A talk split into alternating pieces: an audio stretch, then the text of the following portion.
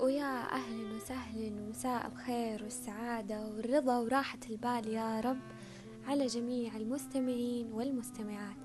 من وين ما كنتوا تسمعونا مرحبا بكم في حلقة جديدة من بودكاست زرقة البودكاست اللي يحمل طابع نفسي واجتماعي وتحفيزي وفلسفي في بعض الأحيان. مرحبا بكم أحبابي. أعتقد إحنا الحين خلاص تخطينا مرحلة الأصدقاء وصرنا أحباب الآن وعشرة. ولو إنها فترة قصيرة ثلاثة أسابيع أو شهر وشي لكن البودكاست وصل إلى 16 ألف مستمع. كبداية يعني فأعتقد بهذا العدد والاستماع أقدر أقول إنكم أحبابي رسميا. وبصراحة سعيدة جدا جدا بردود الأفعال والإصداع الحلقات الماضية وتساؤلاتكم على الأسبوع الماضي ليش ما نزلنا حلقة. صراحة هو ما كان في سبب مقنع. لكن أنا حبيت أعطي نفسي إجازة بمناسبة اليوم الوطني وأعطيكم معايا. فاليوم رجعنا لكم بحلقة جديدة ورائعة وبعنوان شيق ألا وهي الاستحقاق أو حب الذات. وقبل ما نبدأ حلقتنا لهذا اليوم نذكركم بوصف الحلقة. فيه إيميل زرقة للتواصل وحسابات زرقة بجميع برامج التواصل الاجتماعي وحساباتنا الشخصية أنا المقدمة. أمجاد خليل والكاتبة منال العلي. لنتشارك كل ما هو جديد ولسهولة الوصول والتواصل مع بعضنا البعض. وأهلا وسهلا فيكم من جديد.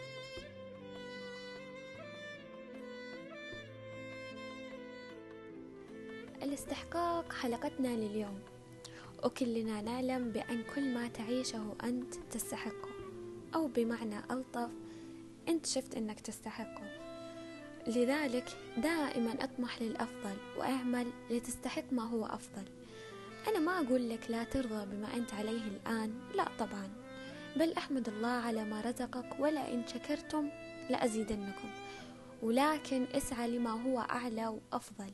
لا تظل بمنطقة راحتك لفترة طويلة. حاول توسعها حبة حبة.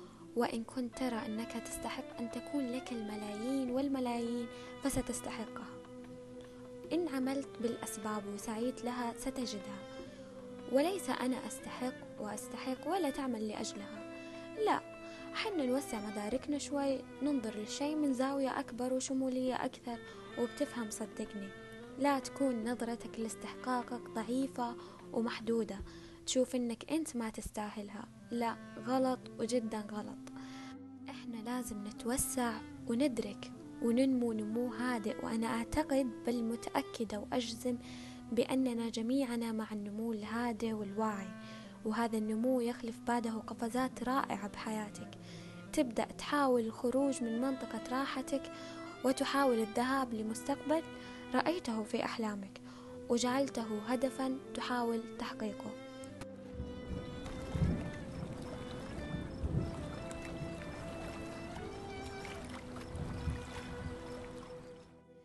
والنمو الحقيقي أن تسعى وراء أحلامك بمفردك.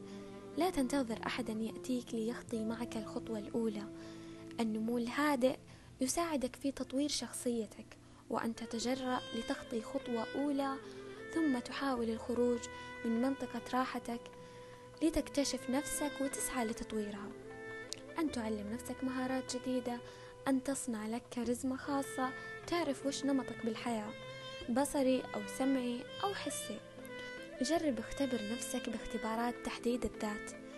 أنا مرة أذكره لليوم ما أنسى هالاختبار وصراحة أرجع له بين كل فترة وفترة وهو اختبار مقياس الرؤية الكاملة. إذا قد سمعتوا فيه من قبل صراحة عجيب عجيب عجيب هالاختبار. يعني حلل لي شخصيتي تقريبا تحليل تسعة وتسعين بالمية صحيح. هذا إذا ما كان مية بالمية صحيح.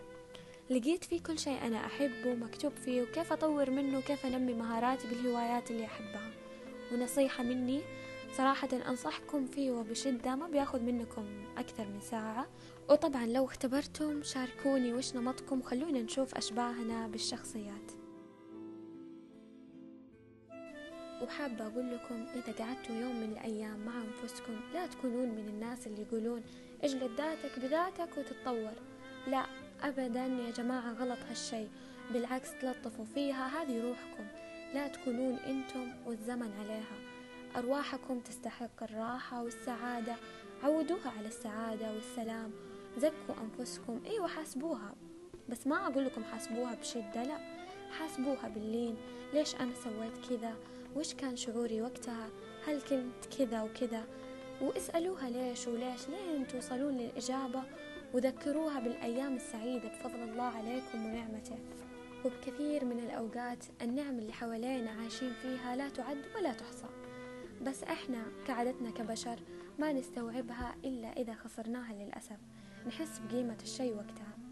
وترى الناس تحب الإنسان اللي يعرف قيمته وله استحقاق عالي جدا ومثابر ويجتهد على نفسه كثير. وأنا كمنال أحب الشخص اللي فيه روح العطاء المبادرة الخدومين لكل من حولهم.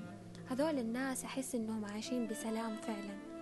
وأحب الناس المؤمنة بنفسها وقدراتها وتعرف وتقدر إن لها طاقة خاصة وروح ساحرة وقوة جبارة جدا.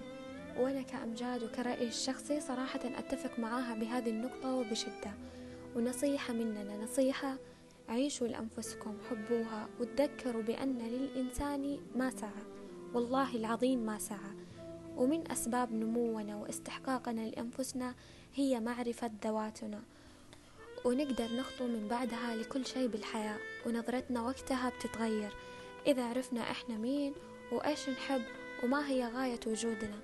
لذلك جميعنا مع تهذيب الذات وحبها لأن ما بعدها إلا الحياة صدقوني وأخيرا أخيرا قبل ما ننهي هالحلقة نذكركم ونقول لكم استعينوا بالله قبل كل شيء وإن الثقة بالله وإيمانكم به بحد ذاتها أقوى مسبب لتحقيق أهدافكم وآمالكم. وإن اللي كاتبه ربي هو الخير لكم دائما سواء نجحت أم فشلت. تذكر إن الله أعلم بالغيب وهو المدبر وهي كانت دوما خيرة لك.